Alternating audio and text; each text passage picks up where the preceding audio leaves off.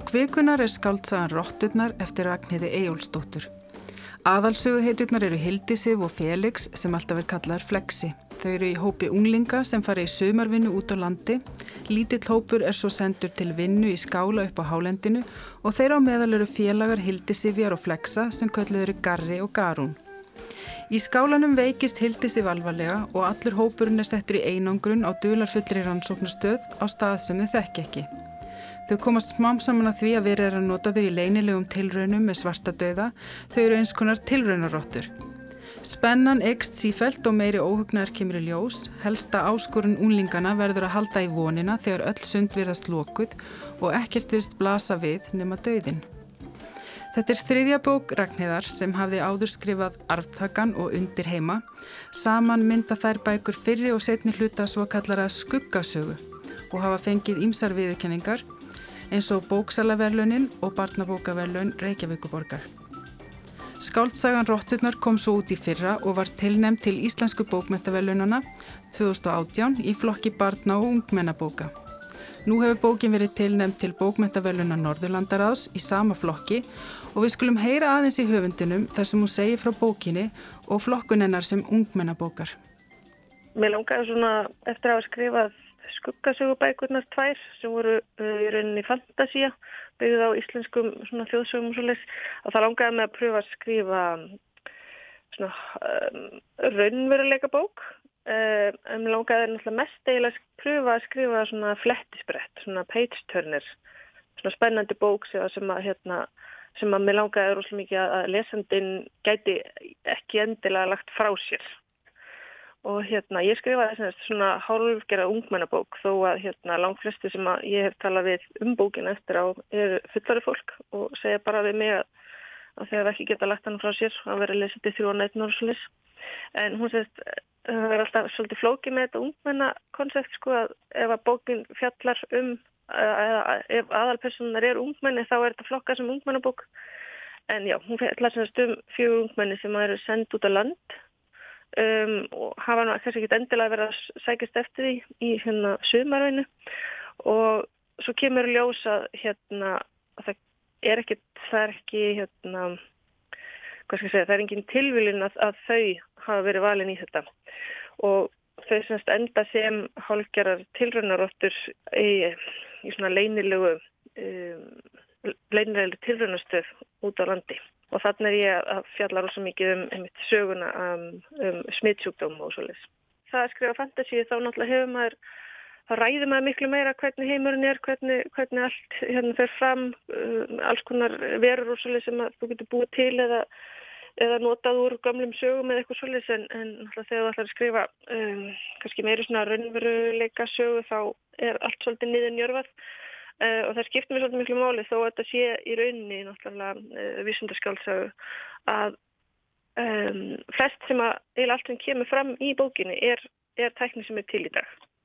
Þannig að, hérna, að hún er í rauninni ekki það, hún er, er ekki endilega framtíðasaga að það væri svolítið um, langar svolítið að skrifa þannig að lesandin gæti sér fyrir sér að þetta gæti verið að gerast. Akkurat nú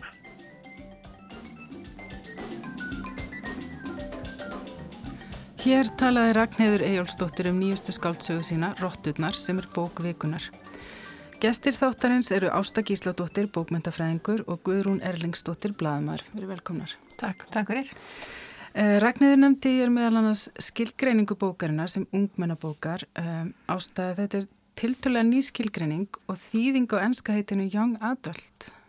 Já, þetta er farið að verða bara sér flokkur en að bókmynda og orðið mjög stór held ég sérstaklega Erlendis, ég veit ekki hversu sko hversu viðtækt þetta er orðið hérna á Íslandi og hversu margir höfundir eru beinleginnist að skrifa með þennan svona flokk á bakvið eirað en uh, þetta, er, þetta er stór business Erlendis og sérstaklega vegna þess að þessar bækur hafa reynst mjög vinsalega bæði hjá úlingum og hjá fullöndum mm. þannig að það brú, verðast brúa alveg þetta bil að þú veist vera spennandi ekki svona kannski tapa sér í einhverju melankóli og, og svona sambandsleitum og eitthvað þess að þar og meira svona, þú veist, búa til eitthvað spennandi atbyrra og svo oft stundum fantasíska.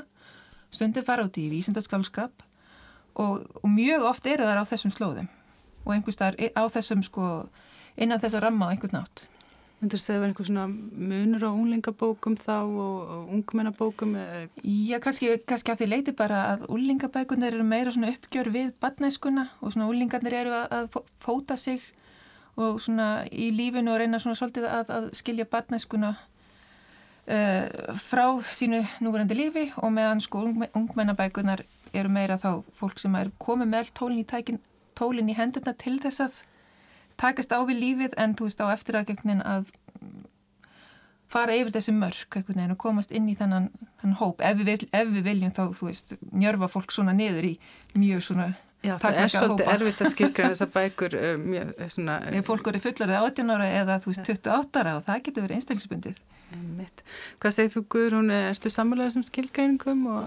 Nei, mér finnst það alveg óbáslega erfiðar Já. og ég er búin að vera að lesa nokkrar bækur sem eru úlingabækur eða barnabækur eða sem að höfða bara til runni alls aldur Já. og mér er svolítið gott sem hann sagði hérna sá sem skrifaði uh, Skarpið Dungal sem setti fram kenninguna um, um eðli allinsmins hann, þetta er barnabók í grunninn en þetta er samt fyrir alla.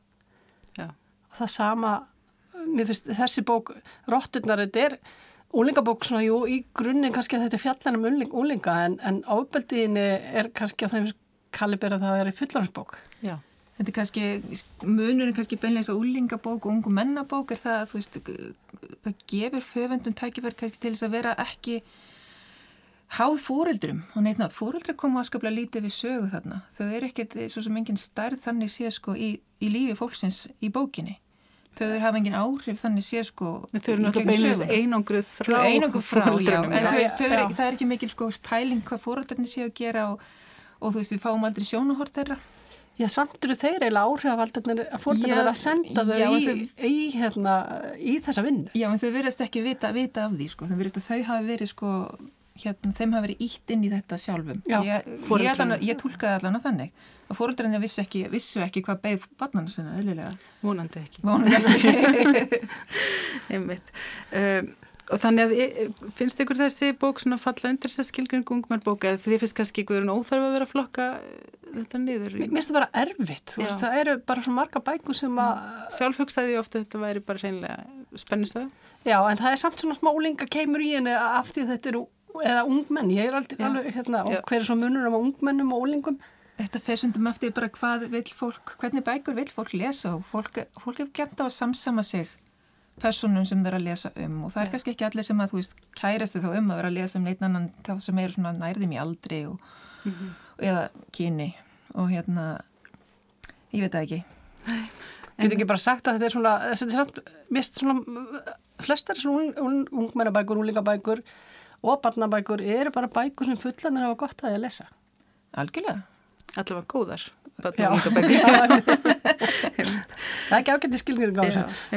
En uh, eins og Ragnir uh, benti sjálfa á í viðtælinu sem var uh, í Víðsjá, þá eru róttunar auðvitað fyrst og fremst spennusaga. Já, og já, hún sagði þarna hún hefði viljað skrifa flettisbrett eins og hún kallar það, mm. page turner um, mér fannst það takast príðilega og ég las hana frekar hratt, ég var alltaf spennt að vita hvað gerist næst, uh, upplýði þið það sama? Já, algjörlega, sko sérstaklega eftir miðbyggið þá virkilega fór hana sko að var eiginlega alveg ómögulegt að leggja niður. Þá var alveg bara ekki hægt, vegna þess að hver einasti kapli endaði næstuði á sko ósynlu uppröpunamerki og maður bara, þú veist, ó, og svo kannski hoppaði yfir, í næsta kabla hoppaði yfir eitthvað annað til annar personu og þá þurftum alltaf að klára þann kabla til þess að komast að því hvað var að gerast næst þannig að jú, hún held alveg spennunni og held manni alveg við efni þannig að alveg til landaloka. Hvað segir þú Guðrún? Ég þarf ekki alltaf að vera eitthvað stjórnar alltaf. Já, varst þú ekki ekki? Nei, ég gæti alveg lagt alveg frá mér en ég er alveg samanlega, þetta var, þetta var spennandi söguthröður og alltaf en hún greip mig ekki þannig að ég get ekki fara að sofa þegar ég var án sífið. Mm. Ég kannski fyrirparturinn fannst mér verið að fara kannski róleira staðu, það, Já, það, það er kannski alveg eðlilegt, þú þarf að byggja, byggja þessu upp þetta, þú, mm -hmm. þú kannski, hún, fór teilturlega sko fljótt inn í, inn í hérna svona spennuna og inn í, þú veist, inn í sjálfa atbyrðarásina, það var ekki verið að eða miklum tími að, að, að, þú veist, að eh, koma einhvern langan aðdraðanda eða eitthvað þýmlegt. Nei, kannski, ég veit ekki, þú komað inn á það á eftirjabel en, en svona, þetta er svo óraunverulegt líka það er kannski það sem að, að þetta gerist á Íslandi. Já. það eru öðruvis að lesa svona hérna, ská, vísindaskáldsögu sem gerist ekki på hálendin á Íslandi þar sem það eftir að fela hús sem engi veit að það er búin að byggja stórt, stóra miklu byggingu. Það getur vel verið að ég sé bara á vjarbundin til þess að ég hérna, kemst þetta alveg.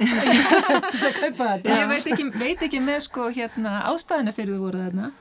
En það að, krakka væri sendir út á land umkvæmst út á hálendi, ég tengdi alveg mikið við það, þannig að ég var náttúrulega að vera að vinna upp á vinna hérna því ég var unglingur upp á hálendi Já, ég tengdi alveg við það. Ég tengdi bara ekki við að það var hægt að byggja, byggja stóra byggingu, þú veist, nú, teknilega byggingu og enginn tekki eftir því á Íslandi, skilja það. Það er svona sem að... Já, ég veit ekki. Það, ég, mér fannst það svona vera alveg skaldaleifi sem að, þú veist, mér fannst allt í lægi.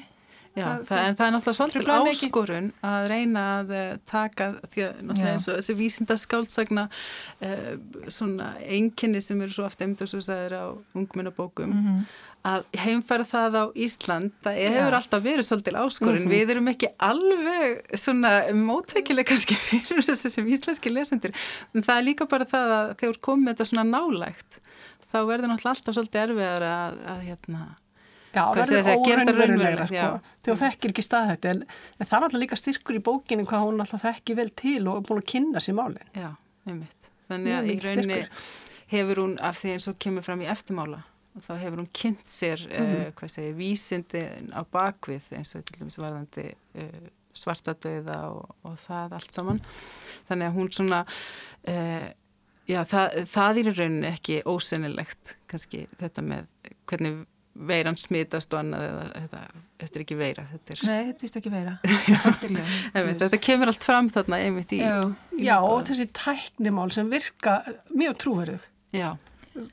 Ég gæti ekki séð sko, þú veist að ég, svona, maður er híkandi kannski einmitt við að flokka þetta sem vísindaskálskap einmitt vegna þess að það var tækninni trúverðug og það, mm -hmm. það, hún fer aldrei út fyrir, út fyrir ramman í að segja þú veist og svo er þetta tæki sem að gerir þetta sniðu hlutin, engin veitur unni hvers vegna. Og þetta er allt, þú veist, þú veist að, veist að, að hérna að tæknin sem að vísa þær í, hún er eitthvað sem er til nú þegar. Mm -hmm. þannig að það er kannski helst að maður setja pínuspurningamörki við, við hérna, hérna hakkarana. Það maður veit ekki, veit ekki hversu, hversu auðvilt er að, að hérna að hakka sér inn í alls konar eftirlitskerfi. já, hakka sér svona auðvilega inn í, í eftirlitskerfi mm -hmm. en ég menna ég maður þarf ekki annað að fara á Facebook og sjá hva, hvað þeir pikk upp um hann eftir smá tíma Já. Ég held að það myndi vanda sig þarna. En hún notar náttúrulega það mjög mikið, við kannski komum eftir því en ég, það, sem ég var að spá í sambandi við uh, spennun og það er það sem uppbyggingun, það fór ég myndi að velta fyrir mig hvað er það sem gerir, uh, hvernig heldur maður uppi spennun og hún er náttúrulega það sem hún gerir, hún er með hraða framvindu mm -hmm. og hún er náttúrulega reynir að gefa ekki ómiklar upplýsingar Já. og stundum langar manni eiginlega í meir upplýsingar það er líka þessna sem maður lesa áfram en hún er líka alltaf að búa til nýja ógn og, og, svona, og er, hún heldur ákveðlega utanum líka fléttuna er, er þið sammála þessu með svona hvernig bókin eru uppbyggð? Já, sko hérna mér fannst sumtrendar svolítið vera um, kannski hefur maður lesið svo mikið á svona bókum og um, svona af þessu var kunnulegt og maður svona gæti svolítið séð fyrir sig hvað var, hvað, hvað, á hvaða leið hún væri. Mm -hmm. og þetta vissi maður ekki fyrir hún ákvæmlega allt sem gerðist. Og svo náttúrulega hjálpaði það að í miðbyrg bókarna það fæ maður alveg rosalega miklar upplýsingar um hvað er að gerast. Og svona ég svona saknaði spínu að, að þú veist, vita minna ákveðni tímapunkti. Já, ég hefði viljað kannski halda spennunni aðeins meira sko, óvissunni aðeins, aðeins lengur, aðeins lengur en það getur bara verið persónabundið En ég, nei, ég er alveg sammála, mér fannst nefnilega upplýsingarna voru miklar en þessi nýja óg sem kom alltaf stöðust fram, hún gerði þetta spennandi. Já, já. Ég nefnilega held að ég hugsaði að það er verið að leysa gátuna svolítið snemma, en þá kom svolítið nýtt kannski, bara ný spenna inn því að mm. hérna, það er svona aðrir atbyrðir sem að koma inn. En það líka maður var svolítið búin að gefa, ge, geta sér til um að svona eitthvað, eitthvað í þess að veru væri í gangi. Mm. Þannig að það, já, þannig að það er rauningengur. Mér langar að fá smá svona uh, dæmi úr tekstanum um hérna svona kannski hraðaframvindu eða það sem er að gerast og þarna, ég ætla að beða þig ástað hvort þú verður til að lesa smá kabla upp á bókinni. Já.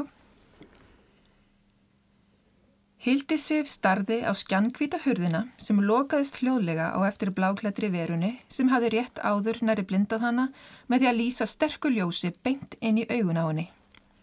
Hvar er ég? Í gegnum dundrandi höfuðverkin og allt um líkindi vanliðinina laust þeirri hugmynd niður í huga hennar að hún hliti að vera dáin þar sem hún gæti ekki með nokkrum út í hreift sig. Hvernig gæti mér liði svona hræðilega illa ef ég er dáin? Skildi ég að lendi í helvíti?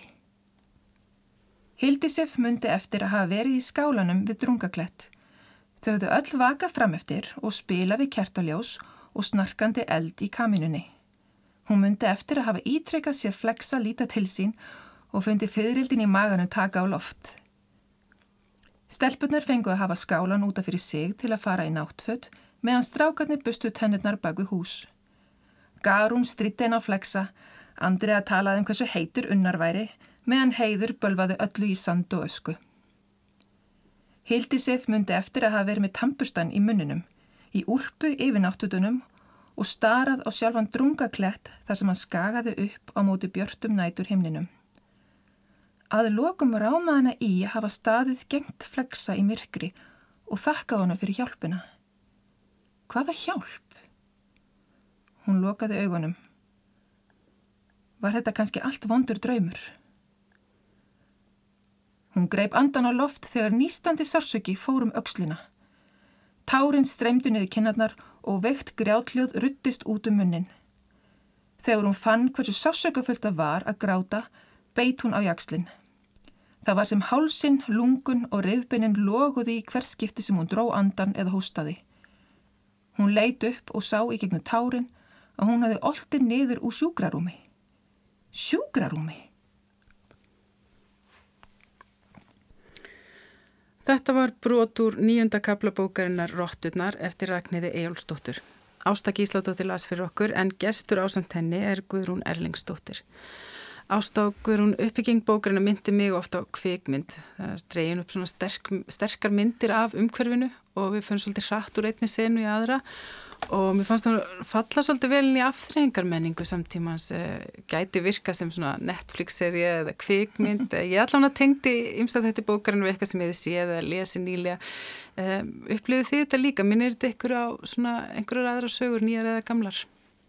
Já, já, ég, ég mér svona að þú veist, ekki að það ekki nákvæmlega eins ég segi það ekki, þetta kannski ég man ekki nákvæmlega, hérna meisrannar held ég sé svolítið svona svipað með svona svipaðan söguþráð með krakka sem eru einangræðir og, og, og er ekki svona gera tilruna og það var einhver, einhver plá eða eitthvað svolítið, ég manna ekki alveg en eitthvað sem þetta eftir í hug Nei, nei ekki, ekki nei. svona sem er dettur í hug en ég er samt alveg samanlega þetta er rosalega myndrænt mm -hmm. og svona kvíkmynda þáttalegt sko og þó kannski svona Já, þetta er aðeins inn í bara svolítið inn í sjónvaskínin við að lesa þetta. Og svo kvikmynd sem ég dætti í hug, eða bógrunni sem að hérna heitir The Girl with All the Gifts sem að mér fannst svolítið ég ætla að tengdi stert við sko og síðan hérna að því að hún sagt, sem er uh, segir frá krökkum sem er haldið föngnum og það er verið að þú veist staðar, einhver staðar af, af, af skemmtum stað gerir það fyrir og uh, þau veit ekki akkur þau eru þarna og þú þekk ekki annað þá er alltaf búið þarna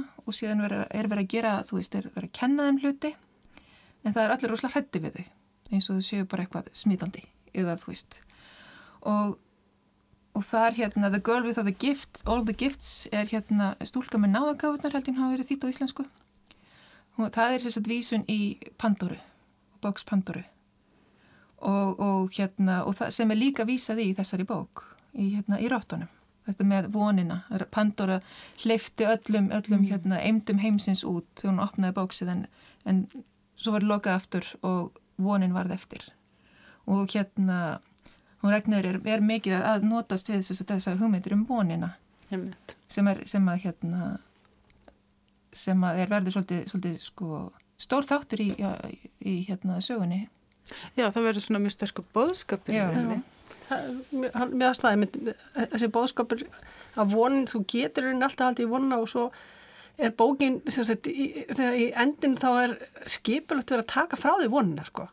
mm. en þau og hva, hvað svo erfitt er að halda í vonuna þá en samt sem áður þetta er eina haldreipi sem hún hefur það er í rauninni búið að taka allt frá því þegar vonunin tekið frá þér en að því voru að tala um hvað hvort það getur myndað okkur kvikmynd þú veist þetta er helst í hug ekki, að það er Harry Potter þú veist lýsingarnar í þerri bók þegar Harry er inn í fyrstskipt og það koma hérna fljúandi, fljúandi matur og, og þú veist alls konar dóttar í. Þetta er svona, það er minnir svolítið á það þú, þú, þú byrjar strax að sjá fyrir þér svona mikið að gerast og mikið hlutir Já, þannig að vera þetta með uh, hvað hraðan þá og hvað mikið er að gerast. Já, það er múin að tala um áðan svona. Einmitt. Og hérna uh, ef við höldum áframleika að tala með uh, þetta með, með vonina og síðan hérna þetta með pandurabóksana það er náttúrulega verið uh, þannig er náttúrulega verið að tala um svarta döða og þetta verið náttúrulega verið að spilina þessar hræðslokkar við smittsjúkdóma og allt þetta þessar skelvingu sem óknur okkur. Og svo líka tæknina Það er þetta með að hérna, við erum að leika okkur með alls konar tækni og, og hérna, gera alls konar tilrunir. Tækni getur bjargað okkur og tortrýtt okkur. Já. Svolítið, já. Og, all, og þess að tilrunir með mannslíkamann. Já, þess að líftækni tilrunir, það er það sem eru svona, ma maður myndi óska sér að væri vísindaskáltsagan eða einhver, einhver framtíðasín en þú veist, hvað veit maður hvað er að gerast? Já, það er kannski það sem er, hún spilar svolítið eh, mm. mikið inn á það að við náttúrulega erum öll kannski svolítið hrætt við það að það sé verið að gera alls konar tilunir sem við veitum ekkert um. Og hérna þannig að það er náttúrulega kannski um, þar sem að það fer að jáðra við vísindaskálskap líka með, e, samt við tæknina. E, en það er kannski spurning hvernig við skilgreinum þá vísindaskálskap Þetta er rosalega einföld spurning. Það er náttúrulega sko, einlega til þess að skilgjörna vísitinskalkap er bara sögur sem fjalla en um það sem gæti gerð ef eitthvað, ef einhver tækni væri til staðar. Ef við gætum gert þetta ef við gætum ef, ef það væri búið að finna upp eitthvað einhvern einhver, einhver hlut eða einhver, einhverja vél eða eitthvað þýmlegt og hvað sem gæti gerst ef til dæmis um, sögur sem fjallum hliðstæði heima eru flokkað sem vísindaskálskapur vegna þess að það er svona hvað sem geti gerst ef sagan hefði orðið öðruvísi. Mm -hmm. og, fleira í þeimdur sko, þannig að þarna verður þetta svolítið svona, þarna fara róttunir svolítið að dansa á líninu sko, af því að þau, maður veit svo sem ekki er að mest að því sem að, sem að gerast náttúrulega í bókinni er hluti sem gætu gerst núna. Já en það sem að kannski, og ég er ekki vissum að, að það kannski komið frekar inn á þú veist hlutin sem að hérna inn á bara félagsvísindi frekar en sko það sem að er svona yfirleitt flokka sem svona hörðuvísindi þú veist starfræði og, og, og, og allt, allt í þeimdur að þarna er verið að gera svona félagsvísindatilurinn á þeim líka þetta Já. með vonina Emmeit. og hérna og hvernig, hvernig bregðastu við þegar tekinni frá tekinni frá þeim vonin og bara og líka hvað, hvernig samfélag hefur alið af sér hópa fólki sem að myndi stunda svona rannsóknir á þennan átt mm -hmm. á Íslandi í dag. Einmitt. Og það er hann einmitt, það er eh, hópur af fólki sem er að gera í raun einhvers konar tilraun með þessan svarta dauða og, og hérna, en svo er, kemur í ljós að þau eru líka í rauninni allavega að segja þetta, að, að það er einn sem er svona Eh, verður svona, hvað ég skal segja, erki óvinnurinn við fáum einu svo leiðis og hún er, svona, er að tala um að þetta sé einhvers konar félagsfræðilega rannsókn líka í rauninni á því hvernig þau bregðast við. Hvernig fannst ykkur það svona ganga upp? Mér finnst þetta, eitthvað neður hafði maður, var það ekki mjög trúverðut mm. en samt, þú veist, í, í byrjun bókanar það sem að kemur fram að hérna, flexi hafði, hafði orðið lélir í hánum engunirnar og þetta allt saman veist, sem er náttúrulega mjög óraunverulegt að það sé að taka lífið þitt og breyta þið bara hinnlega þú veist, það hafa svona, hafa svona áhrif á lífans já, hafa áhrif á lífans og, og fela brenni, brenni þú veist, þeir eru ekki að drekka. genur það byrja strax í byrjun það er einhver ytru áhrif á það að þau getur látið einhvern veginn að lækka eða, já, já geta bara, það er eitthvað sem búin að, er búin að ná stjórn á þeirra lífi. Já, það er búin að vera með puttan í lífi þeirra rauninni sko frá því voru bara unga börn. Og það er búin að vera fylgjast með þeim frá því voru krakkar. Það voru myndir að naðin frá því voru börn og eitthvað sem er ekki fjölskyldalbumunum þannig að svona, það er svona gefið, gefið skýn að þarna er búið að fylgjast með þeim mjög lengi. Mm -hmm. og undirbúið þetta mjög lengi. Mm -hmm. Þetta er vel skipulagt. Og þraut hugsað. En um leið verður þetta náttúrulega ofbóstlega kallt því að ef þú ert með fólk sem þú fylgjast með og ert að fylgjast með í félagslegum samskiptum að þú hérna kemur fram við algjörlega eins og tilraun. Líf þeir eru einskis virði samt þegar uppi staðið. Þeir eru eða fjölskyldaðir það, þú veist Og það kannski ver, er, er í þessu hérna, útgáfa af bókinni sem er sögð frá sjónahotni fólksinn sem er að stunda þetta, sem er alls ekki ungmennabók þá, það sem, það sem er verið að lýsa réttlætingunum á öllu þessu og, og hvað er að gerast. Að við fáum svolítið að líta að vita sko hvað af hverju, af hverju mm -hmm. er verið að stunda þetta. Mm -hmm. og einmitt. Um,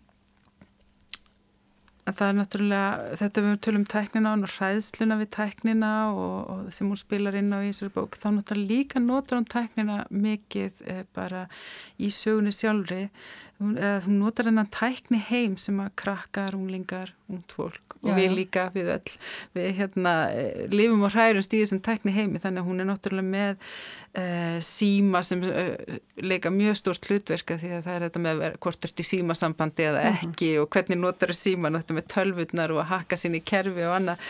Hérna, Símin bjarga lífum. Þetta tengja náttúrulega ungmenni og við afskaplega vel við. Ég meina við vitum að þetta er bara svona en í rauninni í dag þetta skiptir afskaplega miklu máli hvort maður er í símasambandi eða ekki en þarna kemur líka bróðir Hildis yfir allir, hann kemur þarna mjög við sögu við Já. þetta með að hakka sig inn í, í tölfur hann hann er náttúrulega í svona dansar á línunni eða fyrir yfir línuna með það hvað er löglegt og hvað er ekki löglegt Það er beinilist ekki fram að hann sé að fara mjög, á mjög ólöglegar slóðir Já, hvað fannst ykkur svona um hans þátt í sögunni? Þá ertu bara komin í svona, þú veist sí, hvað heitir þetta? CSI CSI og svona bara, þú veist, komin aðeins en að, að þær slóði sko. Já.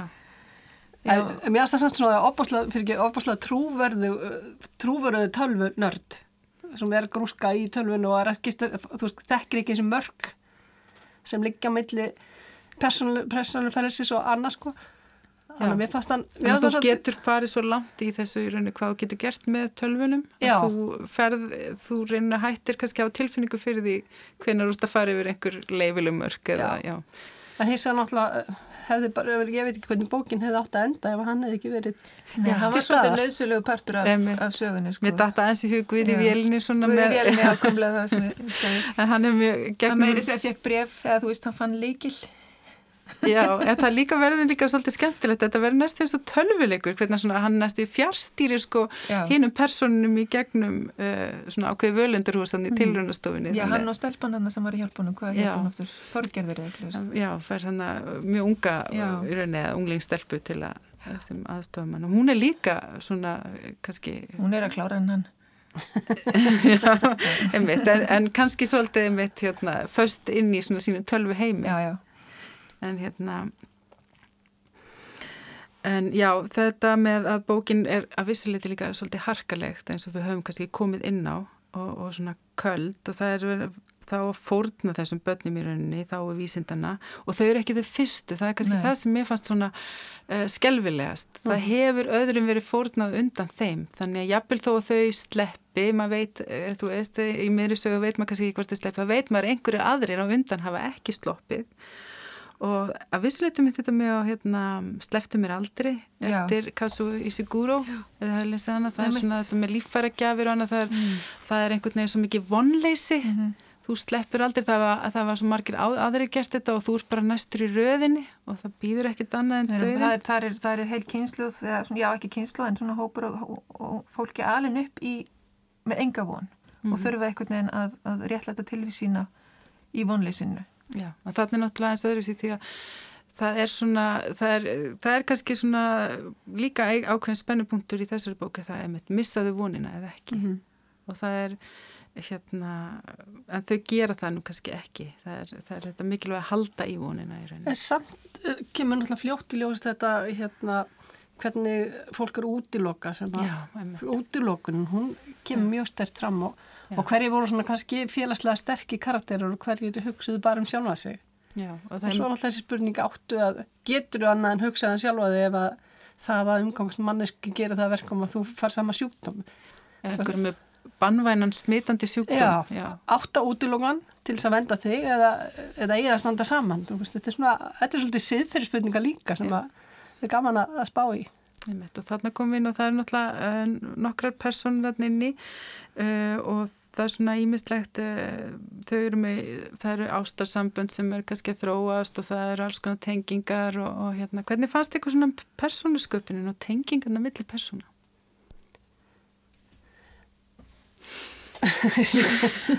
Mér fannst það í heldina góðar nema mér fannst bara, eins og ég segi í bókurnum mínum í, í morgunplanum, mér fannst svona eh, hann, hvað heita, heita nú? Freysi, hann var einhvern veginn aldrei trúverður það er starfsmaður það er. Starfsmaður sem að, sem að allar, reynir að beita hana eða beita hana kemurslegu ofbeldi.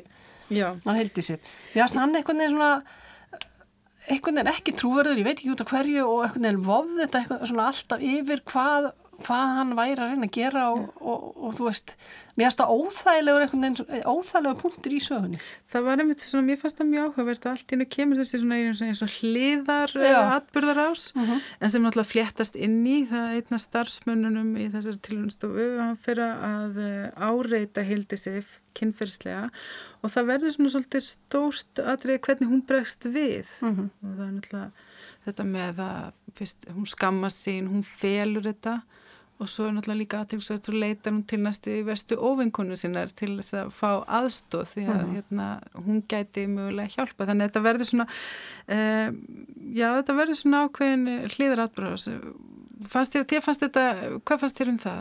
Fannst Mér fannst þetta kannski óþarfa hlýðarættur mér finnst hún ekki, ekki, ekki bæta söguna og ég svaraði bara hreinskynnslega Mér fannst það svolítið áhugavert Mér fannst það. alveg áhugavert sko upp á, upp á, já já. Og kannski, hann gerði kannski svolítið mikið svona, mikið skrýmsli Já hann, þú veist, þegar þið verða þegar karakter að verða mikil skrimsli þá, verða, þá hættar þið raunin að verða hræðileg þá verða þessu ótrúverðir mm. svona það, með því að mann gera hlutina eins og að gert reynda svolítið við, við hérna konuna Dóru sem að stjórnar öllu hún er gerð mannlegri og fyrir vikið þá verður hún ókn, svona ennþá mér ókveikindi. Já, ennþá mér ókveikindi og það komið aðeins inn á það þannig í, í setni part bókarinnar. Já en, eh, en sko Freysin hann er, hann er svolítið nöðsil hann er svolítið nöðsileg bara fyrir plotti líka hann er svona mm. leið, leið fyrir þau að, að þú veist mm -hmm. að hérna að koma svona, já, að koma plottinu aðeins áfram mm -hmm. svo ég segi mikið mikið því að reyna en það við erum búin að segja ansi mikið en, hins er alveg jákvæmt að taka upp þennan þess að umræðu um skömmina sem fylgir -hmm. kynverðsópildinu en þetta er bara svona veginn tæft svona lítilega á því Já, það, þegar margir boltar eru, eru settur upp í loft þá, þá svona þarf ekki að Já, það er kannski var það sem ég var um að hugsa þegar maður hugsaður ok að því að Freysi gefur í rauninni hann verður svona svolítið veiku punktur sem þau geta síðan kannski nýtt sér Já. Mhm. að þegar ég sá það þá, sko, þá hugsaði ég en, en það, hva, hvernig hún bregst við með að fela og annað uh mhm. -huh. það vinnur á mótið því, þannig að þú veist það er kannski ákveðin bóðskapur í því líka þetta með vonina og að síðan er og að leiðin ekki að taka hann inn á sig og, Já, heimitt, þannig að það er svona kannski hluti af þessum bóðskapi geti verið Já, og svo líka þessi svona þessi staða sem úr því, þessi vonlösa staða hún er eiginlega eins og dýr í búri, hún hefur enga útgönguleg Nei, heimitt og það er náttúrulega mjög svona skelvilegt eh, maður upplifir mikla skelvingu hjá henni mm -hmm. þetta verður mjög stór eh, hlýðarsaga við getum sagt og svo eh, hérna, eða svona hlýðar eh, atbyrjar ástæðna í í þessari sögu. En uh, já, að með lokum þá langar mér svona svolítið að tala um líka endin, við hefum kannski það sé nú kannski svolítið ræðilt að vera að tala um endin í, spennu sögu. Erum við ekki búin að en uh, En, já, ég var kannski að því á þann. En já, við töfum náttúrulega aðeins tala um það. Það er náttúrulega svolítið áhugavert hvernig byggir þetta upp að þið tölum um þetta með að vera með svona svolítið hratt og síðan er fáið ekki miklar upplýsingar og það er mhm. kannski það sem gerist líka í, í hérna lókina. Það er kannski ansimarki lausir endar og óvisa og sjálf var ég svona, mér fannst það svolítið flott og mér fannst það svolítið svona skemmtilegt sem lesandi að fá, það er svona ákveðin áskorun að ég þurfti bara eiginlega að ákveða svolítið sjálf eða, eða, hérna, eða ekki vita. En svo að hinbóin þá kannski langar mann svolítið að vita mér svo kannski sérstaklega já, ég veit ekki um ástæður og annað kannski... Já, ég sko, það var alveg sumt sem að hafast allt í, í lægi að skilja eftir lausu lofti. Þegar maður eðilegur alveg endin þá, þá eru þau hérna komin út fyrir þetta svæði en getur bara slagt á dörfuna eitthvað og hérna, og er að býða eftir björgun. Og og maður veit að björgunin er á, á leiðinni. Lesandin veit það. Þannig að og það er, það er engin leið að nokkur munu komast að því komast að þeim. Og það er engin ástæði gefin til þess að, veist, að ætla að, að hérna, þessi einhver hætta á, á hætta í spilinu lengur. Þannig að þar endar bókin. Og, þá, og hvað það verðar þá er ég sem lesandi alveg sátt ég, þú veist, ok, ég veit, ég veit hver þau eru stönd get, hvað tekur við, það er óvisa sem fælst í því, en ég er svona það, er, það getur verið framhald þess vegna. Eða það er bara, þú veist allar sögur hafa, þurfa enda einhver staðar og það tekur alltaf eitthvað við sem að lesandin getur ekki annað nýmynda sér. Mm -hmm. það sem að maður kannski hefði vilja vita meira var einmitt hva, hvers vegna var, var þetta alltaf gerast. Og að við fengum svolítið miklar upplýsingur um sko meðbygg bókuna hvað var að gerast þá, svona, þá, þá þyrstir mann, man svolítið í að fá einhver starf á einhverjum tímpunkti hvers vegna mm -hmm. það var svona kannski það er þó kannski frekar átt bara að gefa minna uppi yfir höfuð mm -hmm. ég veit ekki En samt opnar þetta náttúrulega möguleika á framhaldi, það gerir það alveg klárlega sko. Það er hérna, jú, einhvern veginn finnst manni, maður mað skinnjar alveg hvernig endin er, það má kannski það má kannski segja hérna, því við erum búin að tala um vonina og, og, og, já, hérna, vonin lifir alveg lókin já, hatri í rauninni sigrar ekki því við erum standi í voru á þessu vikunni en, en hérna já, vonin lifir eftir og svona samstaðan og það hjálp, hjálpast að það, það skiptir líka máli, mm. þannig að mér er svona í þessari bók ansi margir góðir svona mm. já, já, góðir punktar og svona eh, gott veganisti fyrir þá úlinga en eins og hún segir sjálf í byrjun eða hún var að tala höfundurinn að það er aðalega fullur af fólk sem verist að lesa þessa bók. Það er svona Já, e, allavega sem hún hefði að tala við um bókina. Og hérna, en e, mér fannst kannski einmitt að það var þessi boðskapur helst sem ég fannst staðsetjana sem ungmennabók fyrir ekkar en fullanusbók því að það er mjög erfitt að taka alla von og, og láta enda algjörlega hörmulega eins og kannski er í sleftumur aldrei eftir Ísigur og þar uh, er þetta tekið alla leið og það er mm. aldrei neinn von Nei, og, hérna, uh, og lesandin veit það kannski alltaf en ekki personunar reyna að halda í en þarna í þessari bók fyrst mér meira það er, það er kannski uh, skilgræna meira sem ungmennabók bæða að hafa einhvers konar bóðskap -huh. Mhm. og, og síðan að, að þú getur ekki tekið allt frá bæði lesandanum og sögupersonum. Ef, ef þessu bók hefur verið skrifið í anda í Sigúru þá hefðu bara, þeim verið bara fargað á blæsið, þú veist, 270 búið. Þannig að það er svona kannski það sem skilgreinir úlinga bókmyndir og, og reynilega glæpasögur. Það er þetta svona... Glæpasögurna náttúrulega þá leysast alltaf í lokinu.